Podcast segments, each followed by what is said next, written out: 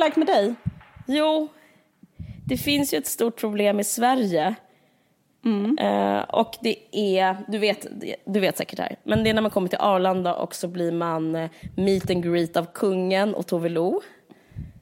Ja, ja, ja. Och att eh, kanske Alice Bah Kuhnke smilar ner på en. Kanske Ja. man får liksom lock eye med Foppa. Ja.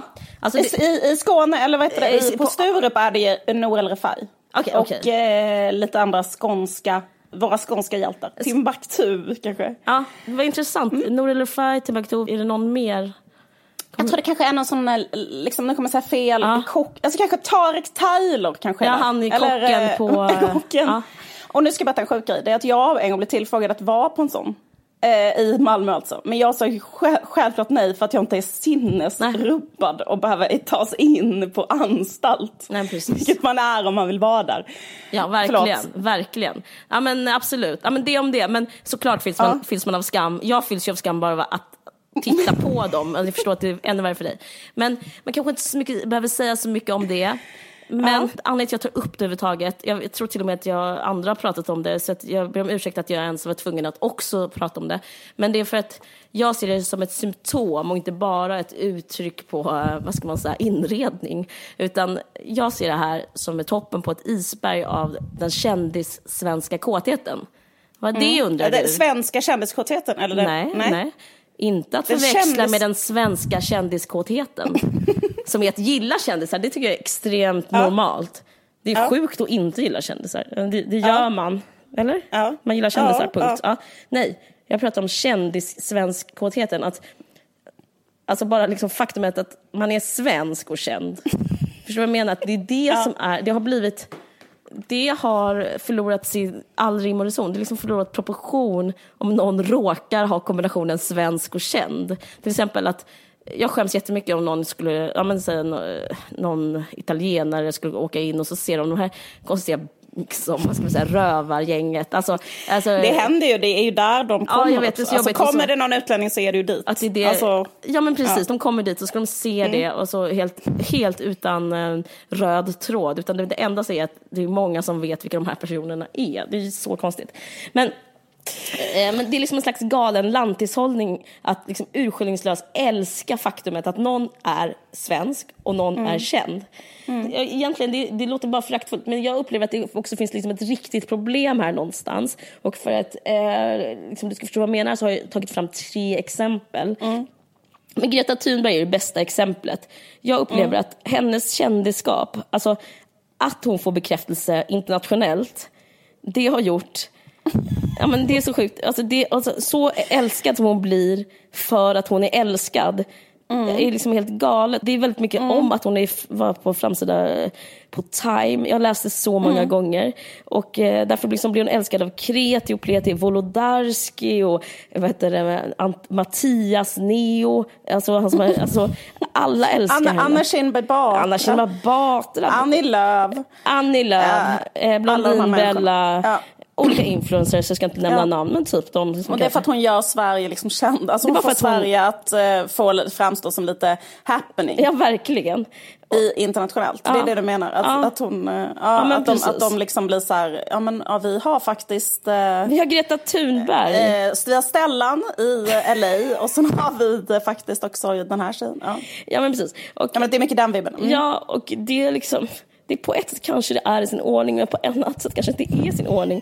Ja, men, jag vet inte. Nej, men man brukar ju ondgöra sig. En annan grej med Greta Thunberg, det handlar ju väldigt sällan om vad hon vill och hennes liksom, kunskap. Och, hon är intressant för hon har kritik mot en viss ett visst typ av system. Men, men det pratar man väldigt sällan om, eh, de här människorna. Utan de, det de älskar att prata om det är ju liksom att hon får hat av andra som inte älskar henne. Eh, så man, till exempel pratar man om klimatförnekare som hatar Greta Thunberg och hur, hur kan man hata ett barn är en vanlig sån retorisk fråga alla krönikor börjar med. Eh, Och eh, näthatet har gått för långt. Eh, till, och det han, vdn Per Sigvardsson på den här klädkedjan XXL eh, Sverigechef för sportbutikskedjan XXL. Han, han, fick, han slutade omedelbart, han fick gå på dagen. Förlåt, men det är ganska kul.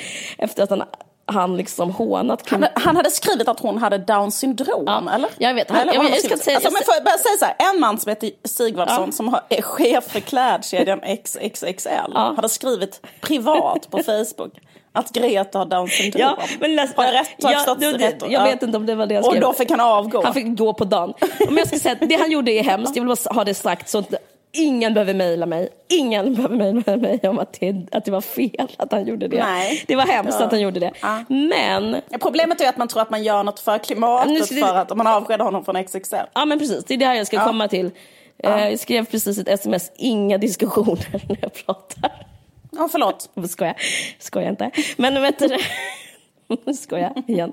Nej, men det jag ska säga är, eh, jag, nu höjer jag ett finger i luften, ett liksom, alltså, imaginärt finger i luften.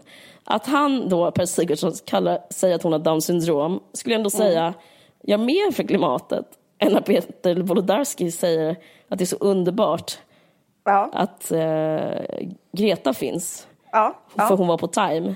För jag, hear me out nu, eh, jag är mer bekymrad över de som älskar henne och liksom inkorporerar hennes ideologi i sin passiva ideologi som är alltså den aktiva ideologin om, de skulle, om man skulle fråga dem med en kniv mot strupen, hur tycker du att samhället ska fortskrida?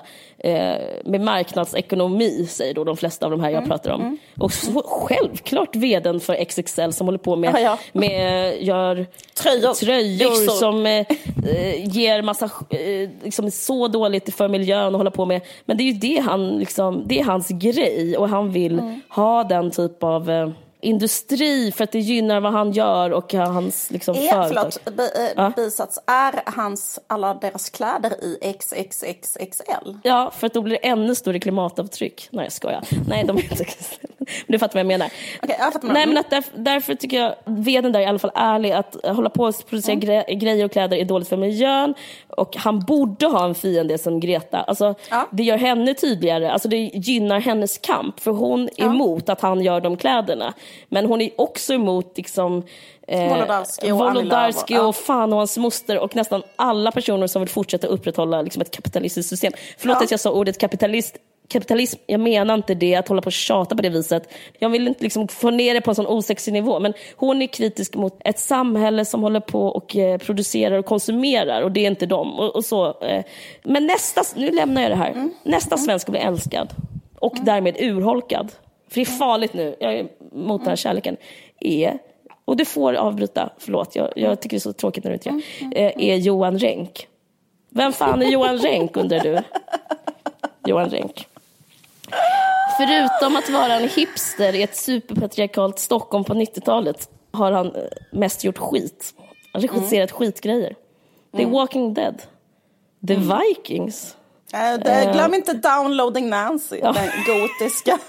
Och den sämsta serien som någonsin gotiska, gjorts. gotiska Ja. ser, i serien om en tjej som mår dåligt på internet. Och observera att den heter Downloading Nancy. Det Ja. handlar om att hon vill dö och är sexig och typ är en got.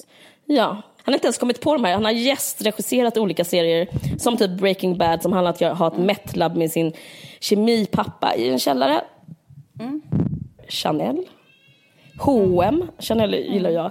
Men liksom H&M som är kanske det sjukaste företaget på jorden. H&M är det sjukaste som fi, äh, finns. Alltså. så. Det är ju liksom, ja. Helt utan moralisk kompass. Så har han gjort sig rik på folks indoktrinering att konsumera. Och nu har han gjort en serie Och han är inte lite rik heller. Han är inte lite rik heller, men nu har han gjort en serie som har blivit så otroligt hyllad. Eller i Sverige så har den blivit hyllad. Eh, jag har nämligen gjort en granskning av Johan Renks hyllning. Mm. Utan det är samma sak med, det är som Greta-effekten. Det är som att de bara säger så här, det är att de pratar om andra personers bekräftelse och då blir det liksom som en egen faktor. Alltså den här, och jag, det här är faktiskt Jacques svenska kultursidor på grund av det här. I Forbes så skrev de så här, eh, Expressen tog upp det här, eh, de skrev att eh, den här serien har fått bäst betyg någonsin. Och sen så kollade jag vad det var. Ja, då var det att folk på IMDB, den här International. Movie Base, den här, alltså det är typ som hjälp. De, ja, ja. Eller som De, det, var bokrecensioner. där, ja, det var där den hade fått så Ja, positivt. då hade, då hade den fått positivt av Anna och Peter och Jocke och Klara och Petter Petter och Nisse. Och, jag förstår vad jag menar. Det, då hade den fått positivt. Sten och Stig och ja. Anna-Lisa. Ja, då var det är det, svenskar. Nej, men det vet jag inte. Men det jag menar är att det är bara, det är bara kreti och pleti. Det är liksom inte någon... Den är inte internationellt claimad, utan det är att fått väldigt många läsarrecensioner. Men i Sverige har den blivit otroligt hyllad och när den inte blir hyllad så blir den granskad.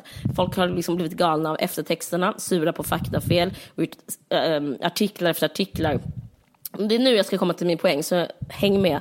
En artikel i Expressen handlar om citattecken, hur sann är miniserien? Mm. Om ni eh, alltså, kallade in en kemist som, som, skulle, som var superkritisk mot någon reaktorprocess. Nu pratar vi mm. fortfarande om den här fiktion, alltså den här dramaserien. Mm. Mm. Um, den vitryska nobelpristagaren Svetlana Alexievich Mm. Alla, SvD, Expressen, alla har skrivit om att um, de inte hade skrivit in henne efter texterna. Mm. Mm. Uh, och sen så skrev de in, efter kritiken så mm. ändrade HBO sig så nu så är hon med efter texterna. Mm. Men det har genererat spaltmeter. Mm. Anledningen till att jag är kritisk mot det här är att liksom återigen som det här med men Greta-grejen, att istället för att prata om liksom den här yttre bekräftelsen, alltså grejen, kändisskapet egentligen, mm, så kanske mm. man skulle kunna, då kanske man har chansen nu i Sverige, mm. skulle kunna vara att här, ha en uh, intellektuell och kulturell diskussion om eh, drama. Alltså Sverige sjabblar bort chansen att vara ett seriöst dramaland. Att man inte eh, diskuterar alltså, liksom, man diskuterar bara jättekonstiga ja, man diskuterar faktafel, faktafel eller att någon och, inte är med efter texterna ja. eller liksom att den fått bra betyg eller, alltså ja. hör, det står liksom ingenting om eh, jag vet inte, storytelling eller drama eller, ja, jag vet inte, det behöver inte vara drama i allmänhet, men just mm. det här dramat, att befinna mm. sig kvar i det här mm.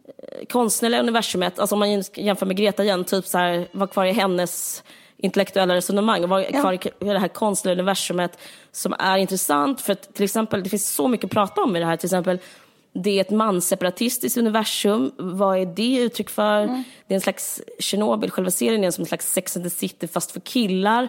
Det tycker jag är ett, ett intressant uttryck. Jag upplever en sårbarhet eh, som man sällan träffar på hos straighta killar, men som till exempel killar som är besatta av mode och är straighta har den här sårbarheten. Alltså jag tycker det är som hela tidningen Café har fått liv. Um, ja, typ så här uttryck, utseendemässigt och färgerna, Um, vad, och vad beror det på? Vad, vad, är det för konstnärligt uttryck? Är det en önskan om att 90-talet ska vara här igen? Men är det liksom tidningen Café efter en uh, Tjernobyl-olycka? Eller menar du att det är alltså, hur tidningen Café skulle vara Nej, men ett modereportage i Café, typ så här mörka färger. Lite terrakotta åtta mm. har nu varit i den här ryska bortglömda staden. Alltså det är väldigt mycket så eh, estetik som är manlig. Alltså det är ju bara män i de flesta scenerna liksom. Och som gör eh, och så är det ett, ett killämne. Alltså det är typ så här, okej okay, det är inte andra världskriget men det är en version på andra världskriget. Typ någonting med massa fakta har hänt typ. Ja, men skitsamma, jag tycker den är fett tråkig. Eh, man vet ju hur det slutar, am I right? Och sen tycker jag också det är tråkigt att det är så väldigt lite mellanmänskligt. Men jag tycker det är intressant att tala om alla önskedrömmar om killar som har uppstått eh, på sista tiden. Alltså jag tycker att serien är en del av det här. Till exempel tänker jag på den årliga middagen som Felix Herngren har i Stockholm. Där Fredrik Wikingsson, prins Daniel och Alex Schulman och andra, hundra andra män är bjudna till. Vad är det? Varför har de den middagen? Vad är det mm. för något? Jag tycker det liksom är som kanske en del av den här Tjernobyl killuniversumet. vad, vad händer just nu? Har det något med Jordan Peterson att göra? Ja, nu, ska, ja. nu var det klart med Johan Renck. Jag kan fortsätta med tusentals exempel om att bara älska svenskar som är kända. Eh, och att det är destruktivt. Till exempel ABBA, det är pissmusik. Varför spelar det mm. roll att de har sålt mycket? Det är ändå piss. Men mm. skämt åsido saknar jag typ ett kulturellt samtal om typ klimat och kultur som inte handlar om att någon är på ett omslag eller bor i New York. Men det enda intressanta jag läst om Tjernobyl på riktigt, har du läst något intressant om Tjernobyl? Så får du säga det. Nej, jag har faktiskt inte det. Nej, men det enda jag... jag har läst det här du pratar om. Jag har läst det att de inte nämnde Alexievich och ja. så vidare. Det är det enda men du har inte läst liksom om själva verket Tjernobyl? Nej. Nej. Men nej. jag har läst en sak. Mm. Och såklart så var det inte i Sverige. Och jag vet att den här meningen, jag, jag triggervarning nu för den här meningen, men jag läste i New Yorker och den meningen låter snobbig. Men jag vet också att alla kultursidor lyssnar på vår podd. Alltså, ni lyssnar nu. Så ni kan se det här som en mysig hälsning bara. Alltså jag vill att ni ska bli inspirerade. För att så här skrev mm, journalisten Masha Gessen. Mm, mm, jag vet om det är. Ja. Hon skriver i, um, jag, jag tycker hon ger jätteintressant Mm, kritik. Hon går in i serien och där, jag, jag vill bara tipsa hur man kan se på konst eller drama. Man kan gå in i den och vara i universumet och ge liksom i den gestaltningen rapportera därifrån. Ja, hon skriver så här. Det hon pratar om är hur människans psyke fungerar under förtryck. Ja, så hon zoomar ut. Att hon skriver om att gestaltningen haltar då man inte upplever känslan av ett val när man lever under förtryck. Det tycker jag är så intressant. Ja, att verkligen. när man lever under liksom en, eh, ett förtryck... De var i en totalitär stat. Ja, precis. Då, då för- försvinner individens liksom, agens. Eh, och det tycker hon fattas i serien. Och hon säger att eh, det var, själva tidsandan var att man inte var en person. Alltså det, det anonymiserade folket. Ja, och det har, har missats. Så det, även det här negativ kritik jag tycker jag är intressant kritik. Hon skriver så här. The series often veers between caricature and folly. Alltså karikatyr och galenskap. In episode 2, for example, the central committee member Boris Shrebina, Stellan Skarsgård, Stellan Skarsgård threatens to have Legasov shot if he doesn't tell him how a nuclear reactor works. Alltså, Stellan Skarsgård hotar att skjuta Legasov om man inte berättar hur kärnreaktorn fungerar. There are a lot of people throughout the series who appear to act out of fear of being shot. This is inaccurate. Summary ex- ex- executions or even delayed executions on orders of a single aparchik were not a feature of Soviet life after the 1930s. By and large, Soviet people did what they were told without being threatened with guns or any punishment. Hur intressant att om man lever en totala- totalitär stat så gör man, utför man brott på grund av att det är det som är att leva under förtryck. Alltså man behövde aldrig ta till våld eller hot om våld eller utpressning och kidnappning utan alla bara gjorde liksom sjuka grejer. Ja, För att allt är redan lagt. Förlåt, får jag säga en jättekort grej? För jag, pratade, jag var eh, i ehm, eh, Sankt Petersburg så pratade med en äldre man, en poet, en översättare som har eh, växt upp under eh, Sovjettiden. Alltså han har dött nu, men han var jättegammal då när jag träffade honom. Och han sa att, eh, han berättade att en konsekvens, jag bara tycker så här, om man nu ska skriva någonting om ett totalitärt samhälle, så berättade han att han och hans föräldrar hade liksom en inte alls särskilt djup kontakt för att de växte upp i Sovjet. För, för att föräldrarna kunde, eftersom man vågade, de växte upp under Stalin, alltså den allra värsta terrortiden då. Eh, så bara du tänkte eller sa eller uttryckte någonting så kunde det vara grund för att liksom bli vägförd. Så för att föräldrarna var så rädda för att liksom tänka eller säga någonting som kunde liksom tolkas som någonting eller bla bla. Så sa de aldrig någonting direkt till varandra i hemmet. Alltså, för de ville inte att barnet skulle råka snappa upp någonting och säga till någon annan och sådär. Så att därför pratade han och hans familj bara med varandra så här. Eh, skicka saltet. Eh, vill du äta mer ärtor? Alltså, de kunde aldrig berätta någonting om sig själv eller vad de kände. Nej. Det var en intressant grej. Ja, men det är, Ja, men ty- det är jätteintressant för då är det liksom att det har, eh, det, den totalitära staten har gått in i, I varje allt. människa. Ja. Liksom. Ja. Eh, och det som är intressant med det, massa saker är intressant, men det, en, en av dem är ju att det är nästan motsatsen till det individbaserade. Mm. samhället vi lever i idag, särskilt i väst, kanske på New York, alltså i, i Brooklyn, Mm. New York, där, där Johan Renck bor. Att, Alltså, för honom kanske det är ett val att så här, jag vill bli skjuten, jag bryr mig om min familj, jag vill inte bli skjuten. Men Mm. det är liksom, det säger bara någonting om hur det är idag. Men, men om man ska prata om, ja, berätta om en annan tid så kanske, så, så kanske även en människa på individnivå eh, behöver ändras. Ja, jag tyckte det var lite intressant. Men ja, det här var allt jag hade att säga. Att man kanske ska liksom think twice nästa gång man, man pinnar upp en sån här ja, men svartvit bild på, på vem alltså, det, de är, det är bara svenskar och kändisar, det är inte så stor grej liksom. Jag har varit på eh, Zoo i Köpenhamn eh, med mina barn. Vissa får göra allt kul. Själv har jag varit där, ska jag vara. Eh, ja. Det är så att i Köpenhamn så har de fått pandor. Ja. Och det är ju en sån grej eh, att det är väldigt så svårt att få pandor till sitt zoo. Eh, därför att pandor finns ju bara i Kina. Och eh, då måste man liksom eh, vara på fruktansvärt god fot med Kina för att få, få ha en panda. Liksom. Mm. Och, det, och detta kallas för så här pandadiplomati. Och det har liksom varit eh, alltså så, det är liksom en känd grej att de liksom sen, alltså sen hur länge som helst har hållit på med detta. Det mest kända exemplet är när Richard Nixon fick pandorna Ling Ling och Sing Sing till mm. Washington Zoo 1972. Mm. Och hans fru Pat Nixon eh, välkomnade Ling Ling och Sing Sing in på zooet med en jättevacker ritual. Eh, och detta var liksom då ett tecken på en så underbar ny liksom, relation mellan Kina och USA. Ja. Men sen 1984 så har de liksom inte eh, så delat ut pandor till vem som helst. Utan, eller liksom de, de, de ger inte bort pandor längre utan man får liksom lisa en panda. Just Hur många pandor finns det? Alltså... alltså, eh, alltså i världen, jag vet inte, typ 25. Ja. Nej men alltså det är väldigt få. Mm. Men eh, för att få ha pandor nu Eh, så måste man liksom eh, skriva på, alltså man måste liksom gå med på Kinas såna liksom one China policy som är att eh, man då inte kommer supporta Tibets... Free Tibet. free Tibet, alltså Eh, Finland fick pandor faktiskt för inte så länge sedan och, och eh, Danmark har fått nu. Och det betyder då alltså att så här, Dalai Lama kommer aldrig mer få sätta sin fot i Danmark.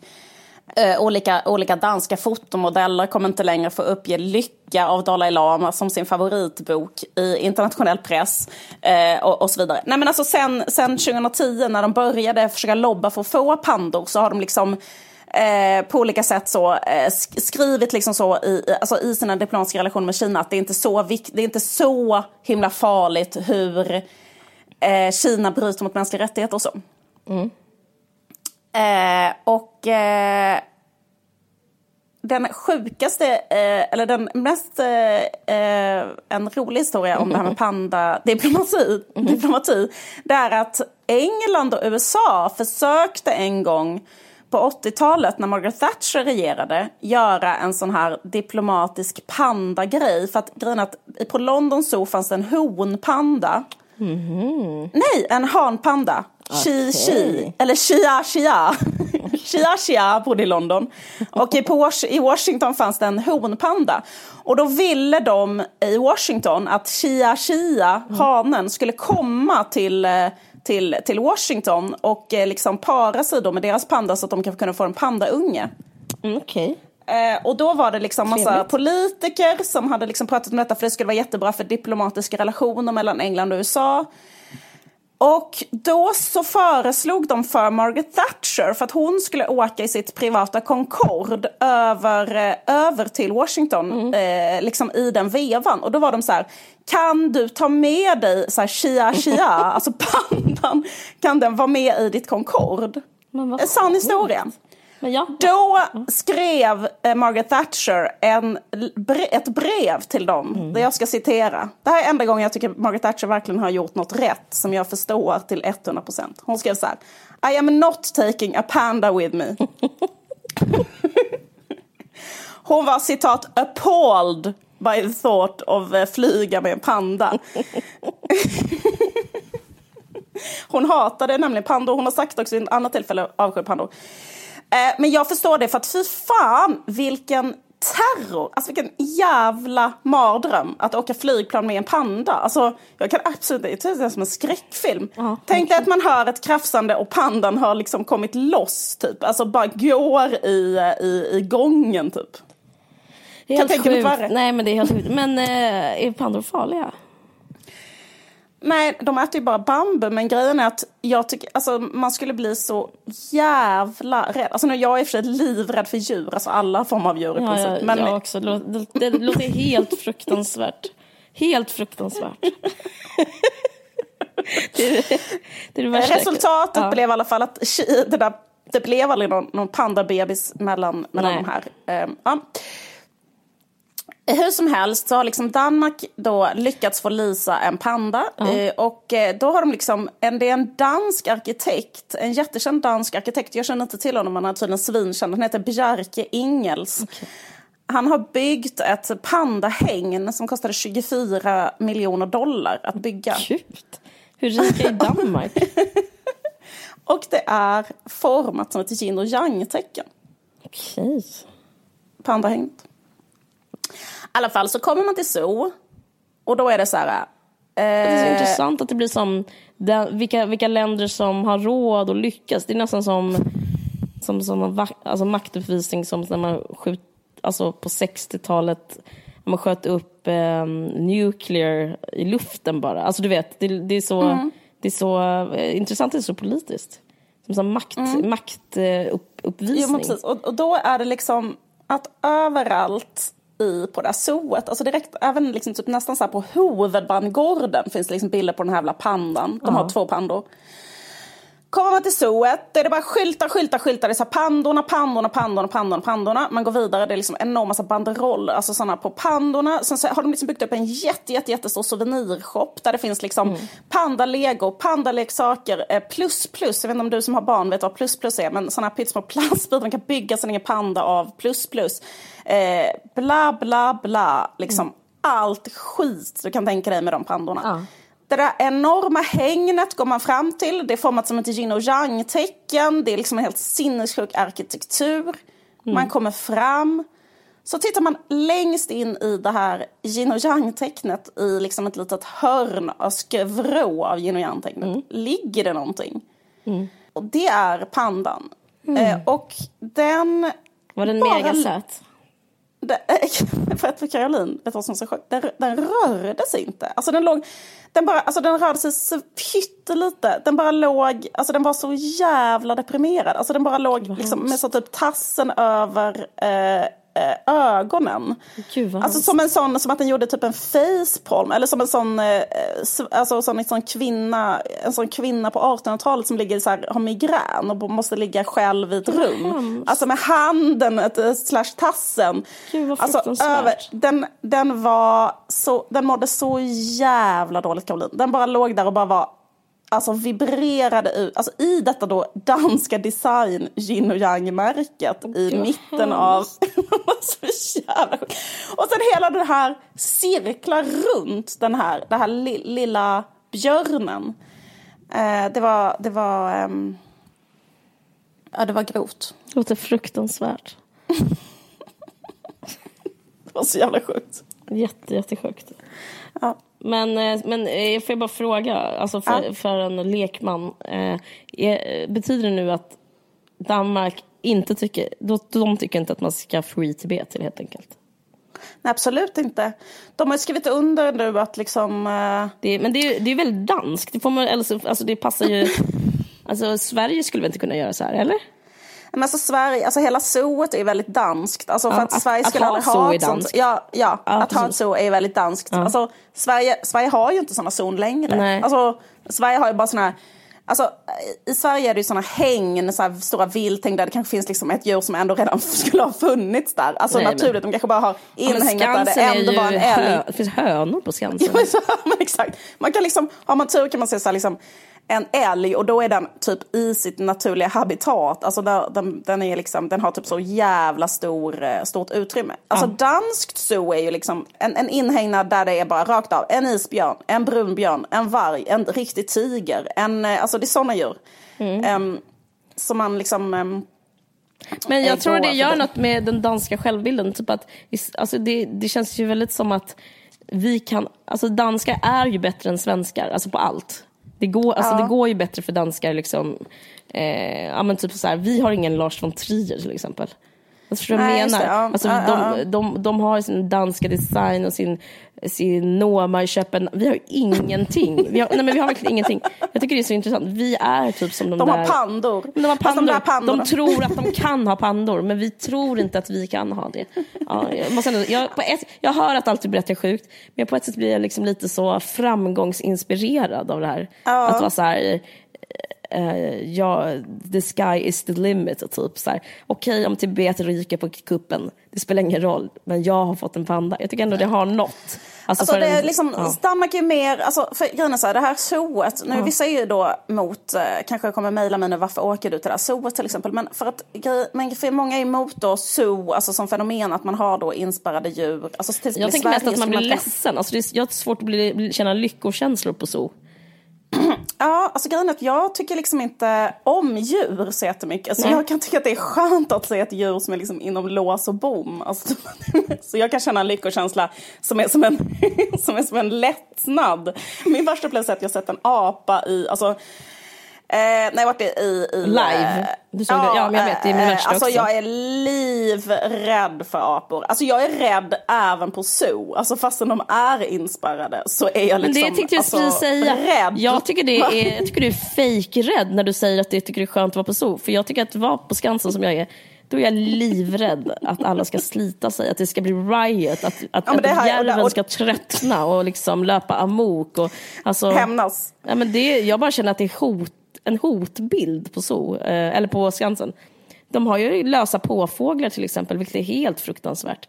Alltså det är liksom, eh, ja det är verkligen Ja, men alltså min, min eh, absolut värsta eh, händelse någonsin har varit när jag träffade en apa som, alltså jag var i Asien och, den, och hoppade på den båten där jag satt och det var tydligen helt normalt, Helt alltså de bara hoppade på det.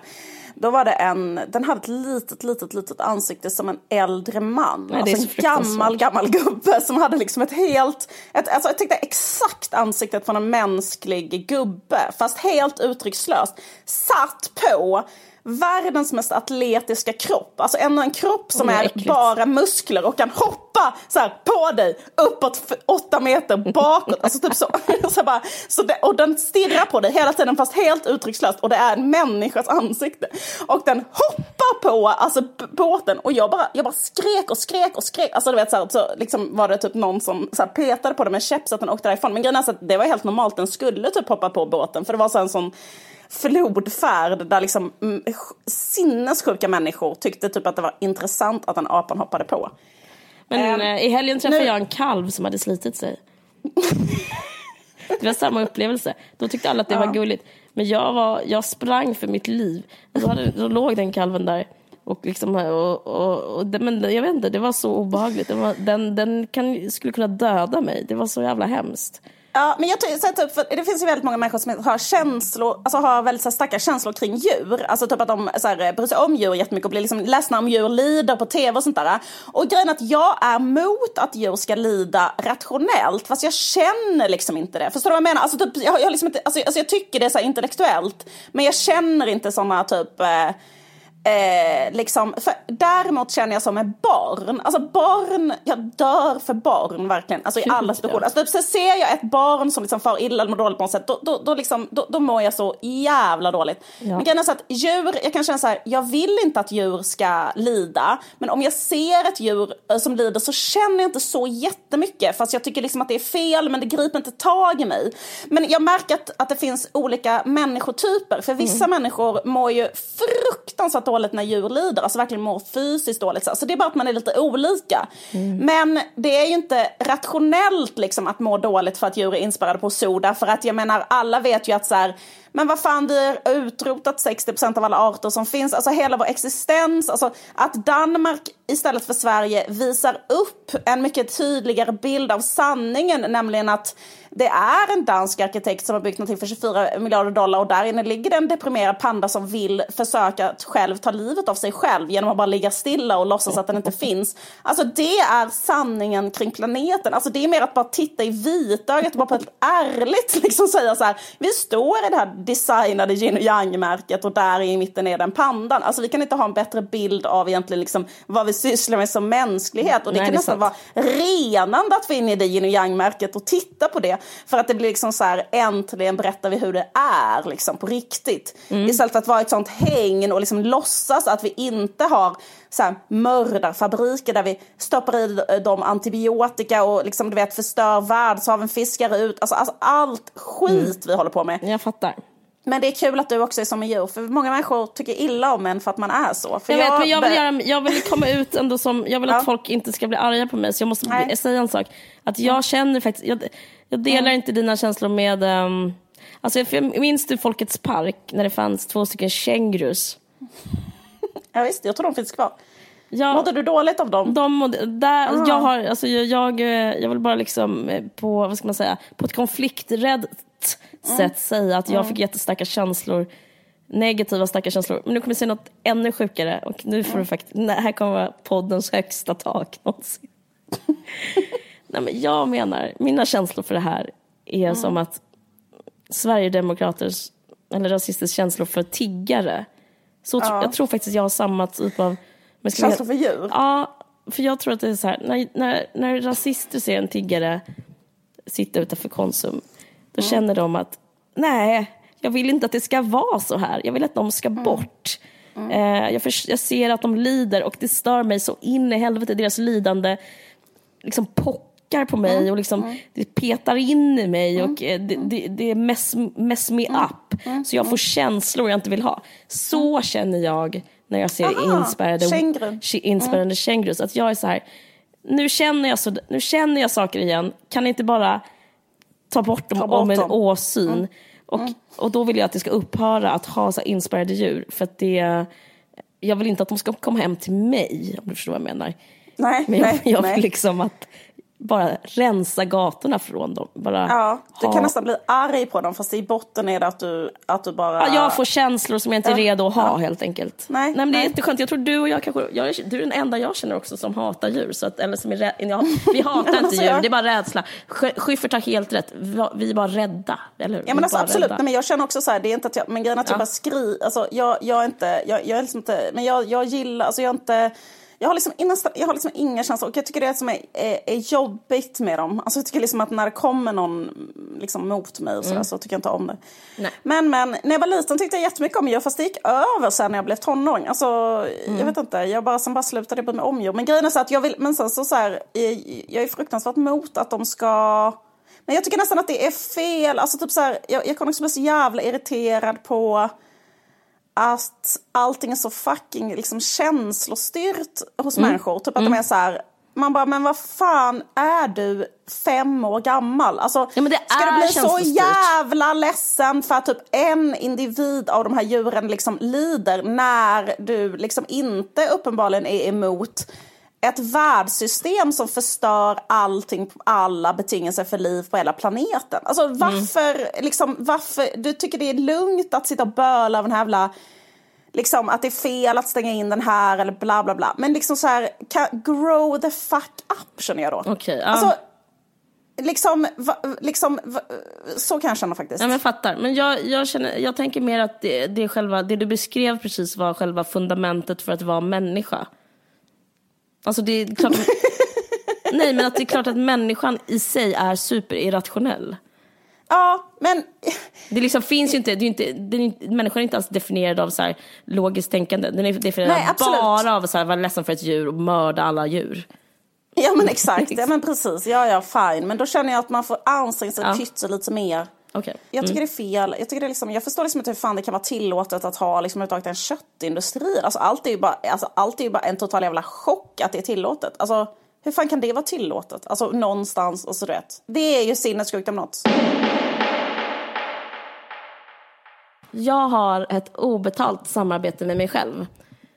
Nu börjar jag. Man brukar säga att kvinnor och män har blivit mer jämlika vad det gäller regissörposter. Mm. Alltså att göra, regissera filmer och sådär i Sverige. Men det ser ut så här. Män gör alla filmer med hög budget. Och kvinnor gör alla filmer med låg budget. Och män gör alla långfilmer och kvinnor gör alla kortfilmer. Verkar det som jag generaliserar? Ja. Det gör jag för att man måste kunna göra det ibland när man har ett samtal. I alla fall. Jag håller på med en dramaserie just nu. eh, och nu är läget så här. För att jag ska till exempel ha råd med en skådis. Till exempel med Jerka Johansson som ska spela kypare och sätta sig på huk. När mina två huvudpersoner tar en AV och fråga vad är vi sugna på idag då? Så behöver jag ha råd med skådisen som spelar kyparen, hyran av till exempel Babette, statister i lokalen och några mellanrätter och de två huvudrollerna som ska ha AWn. Eh, men jag har huvudrollerna och de är jättekända skådisar. De är jättefantastiska. Och eh, så har jag massa nya namn också. Den här serien i alla fall är, heter Amningsrummet och den är så jävla bra. Behöv, vi behöver sex inspelningsdagar till för att realisera manuset. Jag tänker att om alla som lyssnar swishar 50 kronor är det som ni bjuder mig på en läsk på ett dyrt ställe eller på en öl på ett halvbra ställe. Det kan ni väl? Det här är inte till mig, liksom, och, eller för att ni lyssnar på podden eller någonting, utan det här är för konsten, för kvinnligt konstnärskap. För att ännu inte en produktion signerad kvinna ska bli dålig. För, för det är det som händer, att om man inte har någon budget så blir den dålig, för man har inte råd att göra det bra. Man gör typ en mörk bild istället för en ljusat bild. Eh, jag tänker på The Game of Thrones, som är den dyraste serien som någonsin gjorts. En minut av den serien har fortfarande större budget än hela min serie. Så låt oss visa att svaga kvinnor kan. Swisha 50 kronor om du är fattig men älskar min hjärna till 0708 68 44 46 och kanske 100 kronor om du har ett jobb. Men, eller swisha bara 50 för att liksom, om alla gör det så kanske det blir typ tre inspelningsdagar till. Och den här serien, jag ska bara säga, Säg telefonnumret en gång till. 0708 68 44 46. Och den här serien är jättebra. Den handlar om fyra kvinnor i Stockholm. den är liksom... Två av dem mår otroligt dåligt. de andra mår bra. De är jättebortskämda, de har allting.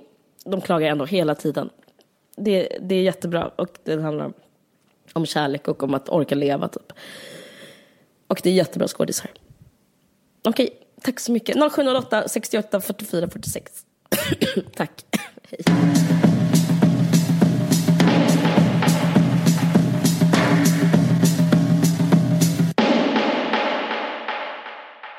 Next story, next story, next story.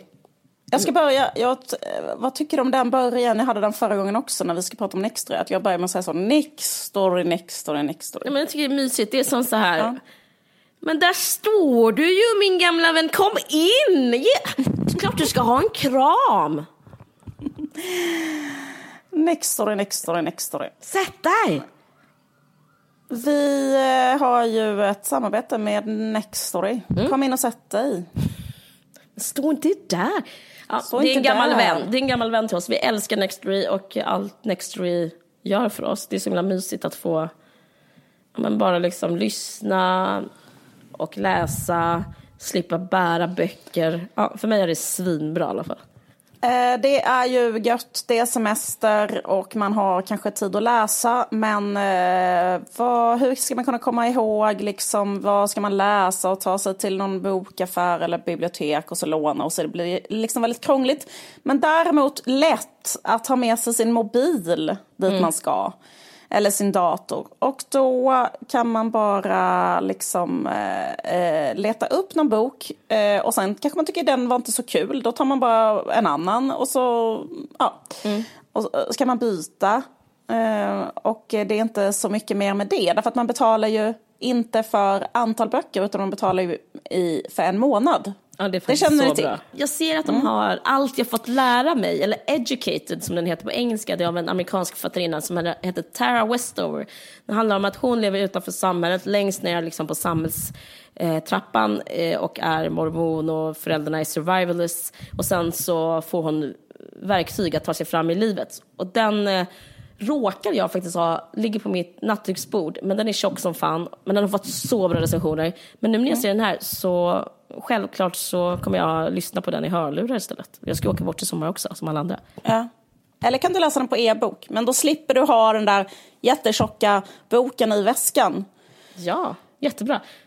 Och En sak som jag har börjat göra det är att eh, gå i barndom. Alltså jag har jobbat så fruktansvärt mycket med eh, att skriva en egen bok och då liksom när man läser så kan man typ så här att man inte orkar för jag har jobbat så mycket med min bok att läsa liksom jättemycket så här faktatexter och svåra eh, texter och bla bla bla.